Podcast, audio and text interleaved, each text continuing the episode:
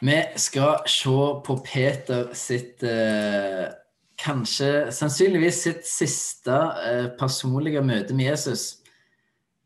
For Peter han har hatt mange, mange møter med Jesus. Men vi skal se på det som kanskje er det siste. Men for å forstå det, så tror jeg eh, det kan være lurt å se på hvordan Peter sitt liv har vært fram til dette punktet. Og det kan være lurt å se på hvordan ble noen disipler på den tida. For det er faktisk ganske relevant for den historien som vi skal ha litt fokus på i dag. Så Derfor tenkte jeg skulle bare si litt om det først. Hvordan ble noen en disippel? Og Da må vi se litt på skolesystemet til jødene. Hvordan fungerte det? For skolesystemet på den tida var sånn at når en gutt var ca. seks år gammel, så begynte han på skolen. Og skolen den besto i å lære første til femte Mosebok utenat. Det var skolen. Eh, og dette holdt de på med fram til de var ca. Sånn år gamle. Og når de da var ferdig med det, når de var ca. ti år, da ville læreren si til dem noe sånt som gå hjem og lær deg far din sitt yrke. Og da ville de gjøre det. Da ville, Hvis faren var fisker, eh, så ble du fisker. Hvis faren var eh, snekker, så ble du snekker, osv. Men de beste av de beste de gikk ett steg videre. De fortsatte på skole fram til de var ca. 14 år. Eh, og da lærte de resten av Gamletestamentet utenat. Eh, ganske sprøtt, men, men, det var skolen deres. Og når de var ferdig med det, så ville læreren si til dem gå hjem og lær deg far din sitt yrke. Og da gjorde de det. Men de beste av de beste av de beste, de ville gå til en rabbi Eh, en rabbi det var en som var en anerkjent lærer som sjøl kunne Gammeltestamentet utenat, og som hadde sitt syn, eller si lære, på det som sto i Gamle testamentet, og hva det betydde. Eh, og denne læra til rabbien det ble kalt for rabbien sitt åk. Så når denne eleven kom til rabbien, så ville han spørre om å få bli denne rabbien sin disippel. Eh, og da ville denne rabbien eksaminere denne eleven for å finne ut hvor god er han. Og da var det ikke bare om han kunne Gammeltestamentet utenat, men om han, hvordan forsto han det som sto der. Så da ville rabbin stille masse spørsmål og på en måte grille denne eleven. Og hvis rabbin da tenkte at ja, han er god, men han er ikke så god, så vil han si gå hjem og lær deg far din sitt yrke. Men hvis han tenkte at denne eleven er god. Jeg tror at denne eleven har det som skal til for å ta min lære, ta mitt åk videre. Så vil han si til eleven kom og følg meg. Da ville denne eleven forlate sin far og mor, og så ville han følge denne rabbien 24-7 som hans disippel. Og alt det rabbien gjorde, det eh, skulle disippelen gjøre. For han skulle bli lik mesteren sin. Det var jo hele poenget. Han skulle bli lik mesteren sin. Derfor måtte han gjøre alt det som rabbin gjorde. Det gjorde, lå liksom inni hele systemet. Så kommer vi til Jesus. Eh, og han kommer til stranda eh, der Peter og broren Andreas og Jakob og Johannes de driver og skyller garn, for de er fiskere. Og Jesus han sier til dem, 'Kom og følg meg'. Og hva er det Jesus egentlig sier da? Jo, han sier at 'jeg tror at dere har det som skal til' for å bli sånn som meg, og for å ta min lære videre. Det er det egentlig Jesus sier til dem. Og dette var en enormt stor ære for disse guttene. Kanskje den største ære de kunne oppleve. Å få lov til å bli disippel av en rabbi. Eh, og de var ikke så veldig gamle. Kanskje har noen sett bilder på bedehus av disiplene, og da ser det ut som de er sånn 40-50 år gamle. Jesus han ser fresh og fin ut, mens disse disiplene ser ut som noen gamle, gamle karer. Men sannsynligvis så var de mellom 14 og 18 år gamle. Og det som er litt spesielt, da, er jo at Peter og gjengen de var, de var ikke de beste av de beste av de beste. De er fiskere. De har kanskje droppa ut etter første trinn. Men Jesus tror på dem, og det er jo på en måte poenget her. Eh, og hvis vi ser litt eh, på Peter, hva, hva som kjennetegner han, så kan vi se at Peter han er en leder. Og Peter han blir på en måte litt sånn offisielt leder for disippelflokken. Noe som var vanlig å ha. Å ha en som var leder. Og Peter han får oppleve noen enorme ting sammen med Jesus. Som vi hørte av Arve, han får oppleve at Jesus går på vannet. Og hva er, det, hva er, det, Peter gjør når han ser at Jesus går på vannet? Jo, Peter han er jo en disippel. Og det som mesteren gjør, det skal Peter gjøre. Og I tillegg så er han leder for disiplene, så han må gå fram som et godt eksempel. Så han ber Jesus om å få lov til å gå på vannet i lag med Jesus. Så Peter han, han, er en, han, er en, leder. Og I tillegg så er Peter en av Jesus sine nærmeste. Sammen med Jakob og Johannes. Det er, det er kun de tre som får lov til å se Jesus sin herlighet når han viser seg på fjellet. Eh, sammen med Moses og Elia. Det er kun de tre som får være vitne til at Jesus vekker opp Jairus datter fra de døde.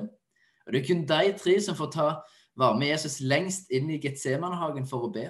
Så Peter han er ikke bare leder, men han er en av Jesus sine nærmest, en av Jesus sine mest betrodde. Og hvordan var Peter som person, da?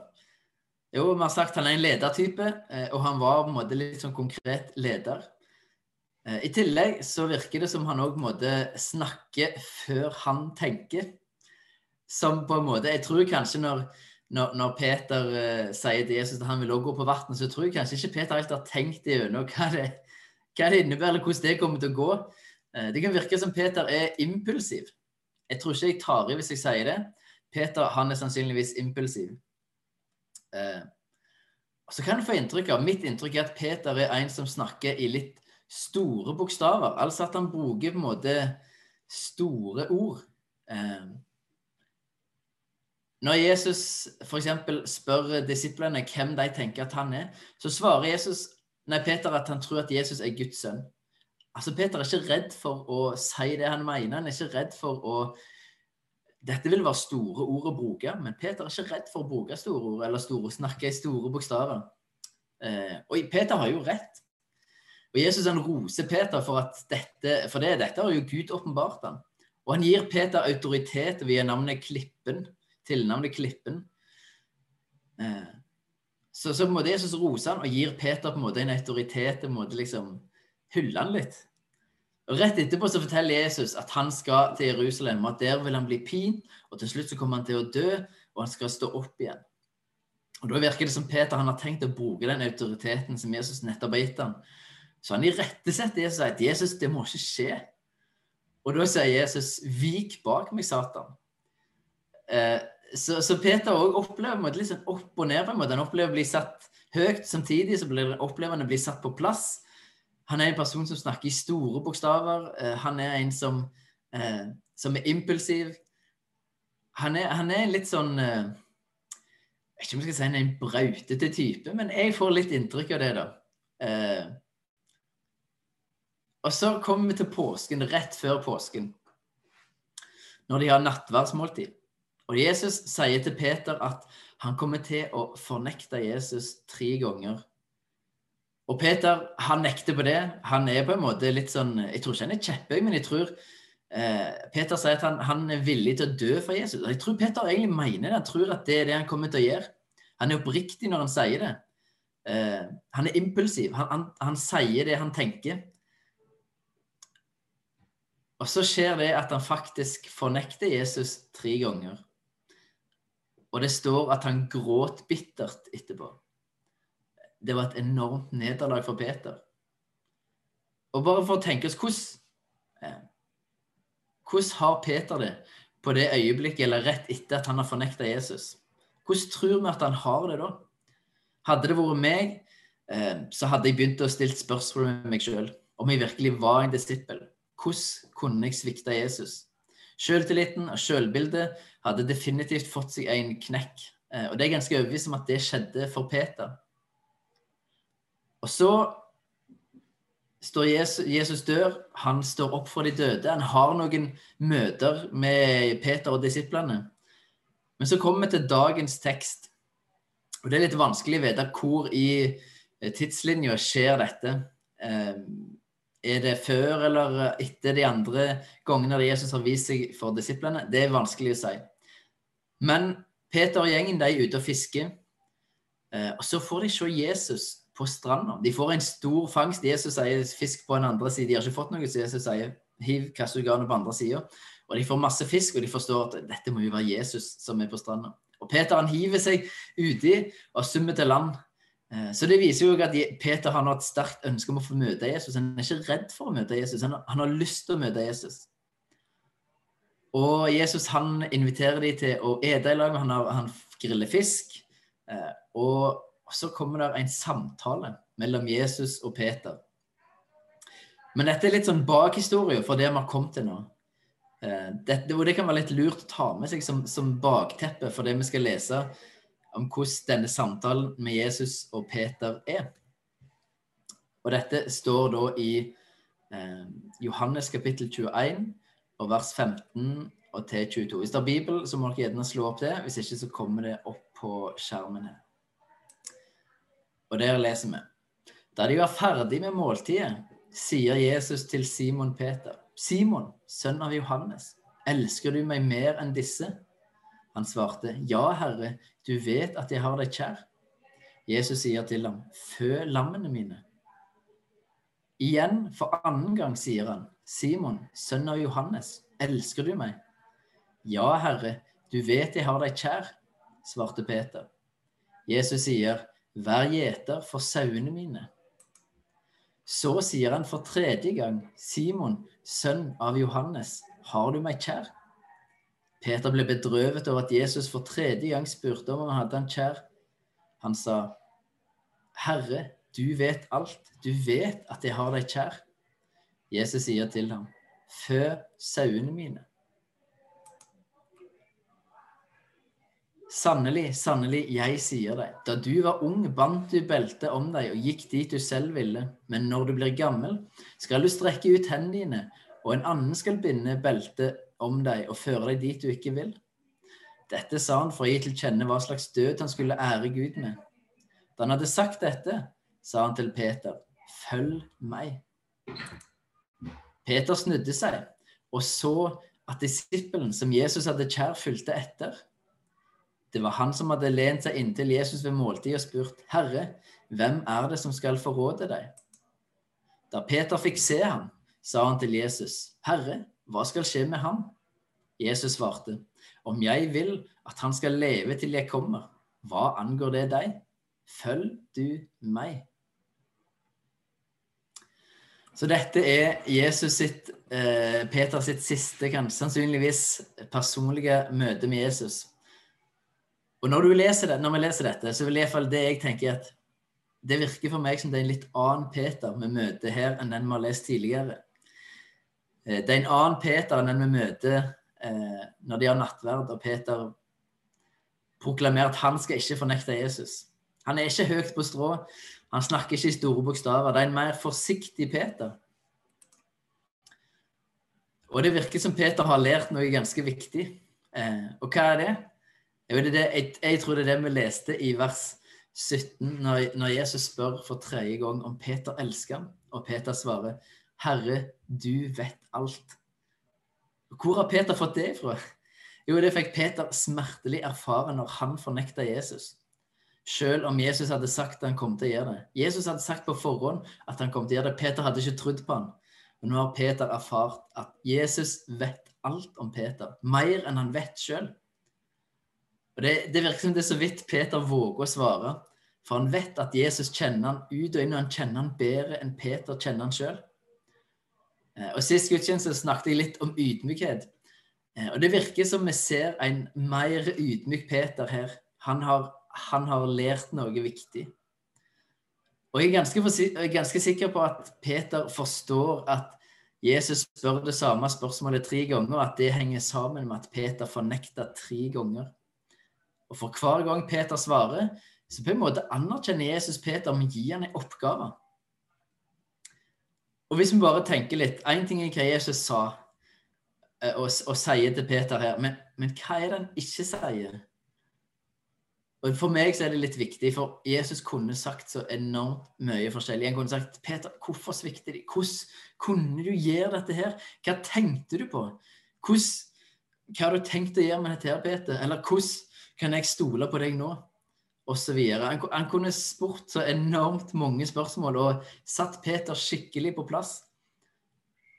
Og han kunne gitt han enormt dårlig samvittighet. Og det fantastiske syns jeg at Jesus spør ikke noe av dette. Men Jesus spør om det aller viktigste.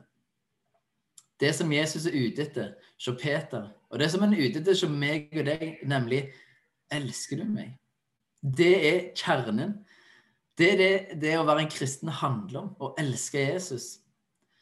Og Jesus ville ha hjertet til Peter, og han ville ha hjertet mitt og ditt. Og det er det han alltid ville hatt. For når han får hjertet vårt, så får han hele oss. Jesus sier bl.a. i Matteus 6, vers 21 at for der skatten din er, der vil også hjertet deres være. Hjertet det er kobla på skatten var det som er det viktigste for oss. Eh, og I Lukas kapittel 6 vers 45 så sier Jesus at for det hjertet er fullt av, det sier munnen. Så hvis Jesus får hele hjertet vårt, så vil munnen vår boble over av det som har med Jesus å gjøre, og vår kjærlighet til ham. Så Jesus forteller oss at det å få hjertet det at vi elsker Jesus, det er det han er ute etter. Men noe av det nydeligste i denne teksten synes jeg, det er det siste som Jesus sier på slutten av denne samtalen. Han sier til Peter at eh, litt, forteller liksom hva som skal skje med han når, han når han blir gammel. Men så avslutter han med å si 'følg meg'. Og Det er akkurat det samme han sa når han kalte Peter for første gang. Og i overført betydning så sier egentlig Jesus til Peter Peter, jeg tror at du har det som skal til for å ta min lære videre og for å bli sånn som meg. Og hvor godt må ikke det være for Peter å høre de ordene? Og få bekrefte det som Jesus sa første gang. Få bekrefte at Jesus tror på Peter. Han har tro på han. Jesus tenker ikke at pga. at Peter svikter han, så er det game over. Nei, nå har jeg ikke noe tillit lenger. Eller nå er du, du mislykka som disippel. Nei. Jesus bekrefter det samme som han bekrefter første gang. Jeg har tro på deg, Peter. Kom, følg meg. Jeg har tro på at du kan ta min lære videre, at du eh, kan bli sånn som meg. Og jeg syns Jesus er Han er så enormt god Eh, og det er på en måte det er ikke tvil om at det er en spenning mellom Peter og Jesus. Og kanskje du har opplevd at det er spenning mellom deg og andre personer. Og jeg tror vi har enormt mye å lære hvordan Jesus faktisk møter Peter. Eh, for Jesus kommer Peter i møte. Det er Jesus som tar initiativ. Jesus inviterer til måltid, til fellesskap. Han viser omsorg. Og samtidig så lar han på en måte ikke denne store elefanten i rommet Han, han han adresserer det. Men måten han tar det opp på, er bare helt nydelig. Og måten han bekrefter Peter på, syns jeg bare er helt nydelig. Og sånn møter han òg meg og deg i våre svik og nederlag, for vi svikter Jesus. Og Jesus møter oss med nåde. Han møter oss med oppmuntring. Han møter oss med anerkjennelse. Og det bare syns jeg er helt nydelig å lese. Og vi trenger å ha en sånn Jesus. Vi trenger å forstå at Jesus møter oss på den måten der, sånn som han møtte Peter. Men så er det òg noe mer. For vi leser at Peter han snur seg og ser at Johannes følger etter dem. Og så spør han om hva som skal skje med Johannes. Og hvis vi har lest litt, eh, litt, litt i, i, evangeliet, så kan en på skimte litt eller se at det er en slags virker som det er litt sånn rivalisering mellom Peter og Johannes. Tidvis kan det iallfall virke som det er en liten sånn greie der. Og så virker det som at Peter er litt opptatt av ja, hva med Johannes, da? Og da svarer Jesus, og det er jo på en måte helt konge, det som Jesus svarer. Han sier at om jeg vil at han skal leve til jeg kommer, hva angår det deg? Følg du med. Altså Her har Peter fått et stort kall. Han skal være hyrde, han skal være leder for kirka.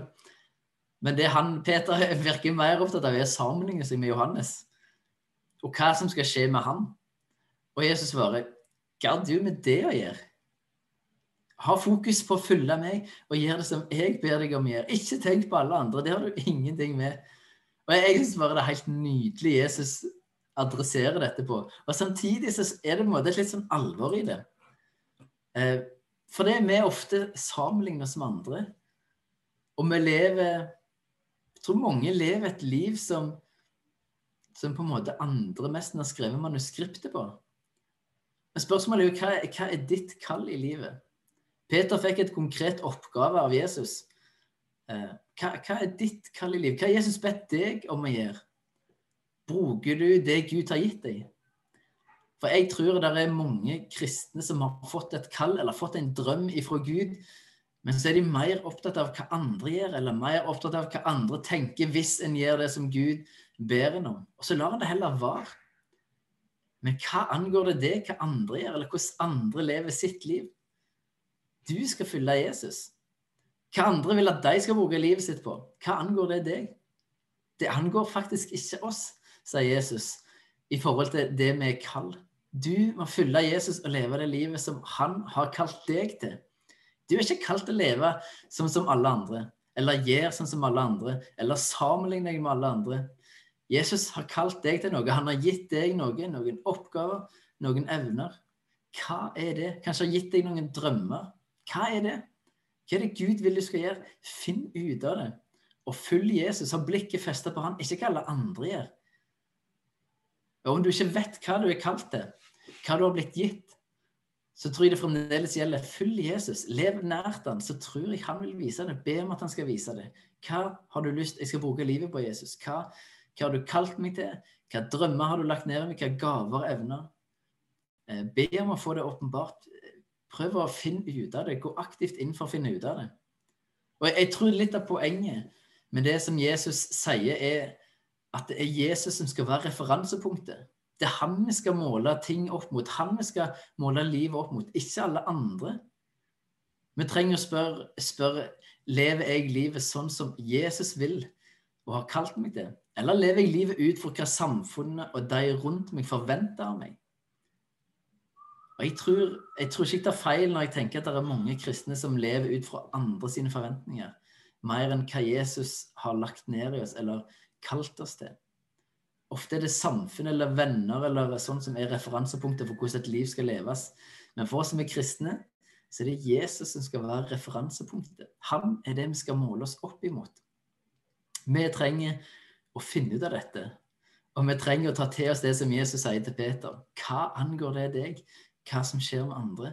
Følg du meg. Ha blikket festet på Jesus. Gjør det som han har bedt deg om å gjøre det tror jeg er enormt viktig i vår tid. At vi våger å ta det seg. Jeg sier ikke at det er lett, det skal jeg ikke si.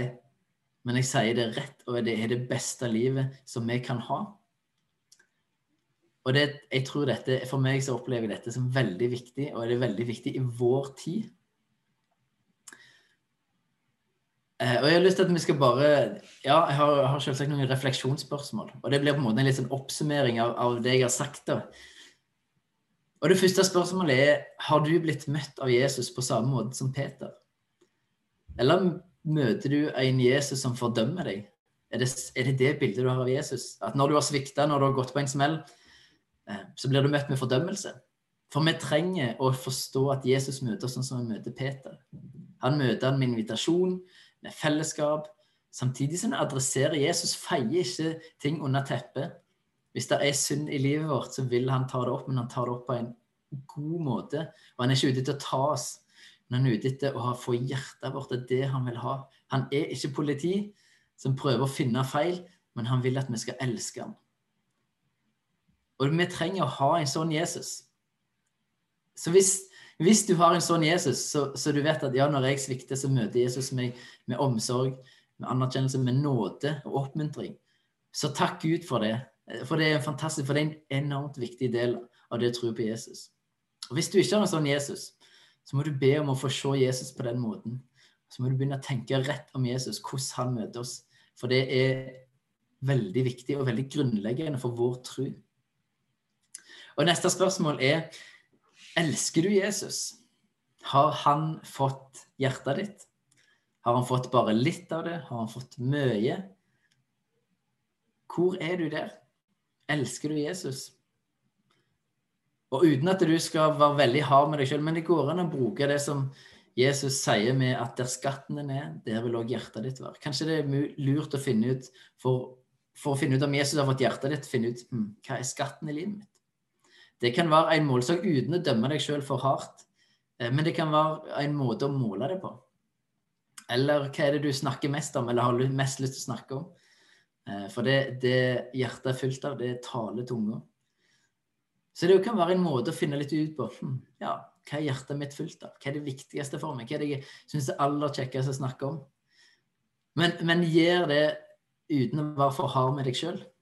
Eh, for det, eh, Jesus vil ha hjertet, men det handler ikke om et enten-eller. Det handler også om hvor er du på veien, hvor er retningen din. Har du egentlig lyst at Jesus skal få alt, at han skal få hele hjertet, så er det det viktigste. Men, men tenk litt over det, reflekter litt over det likevel.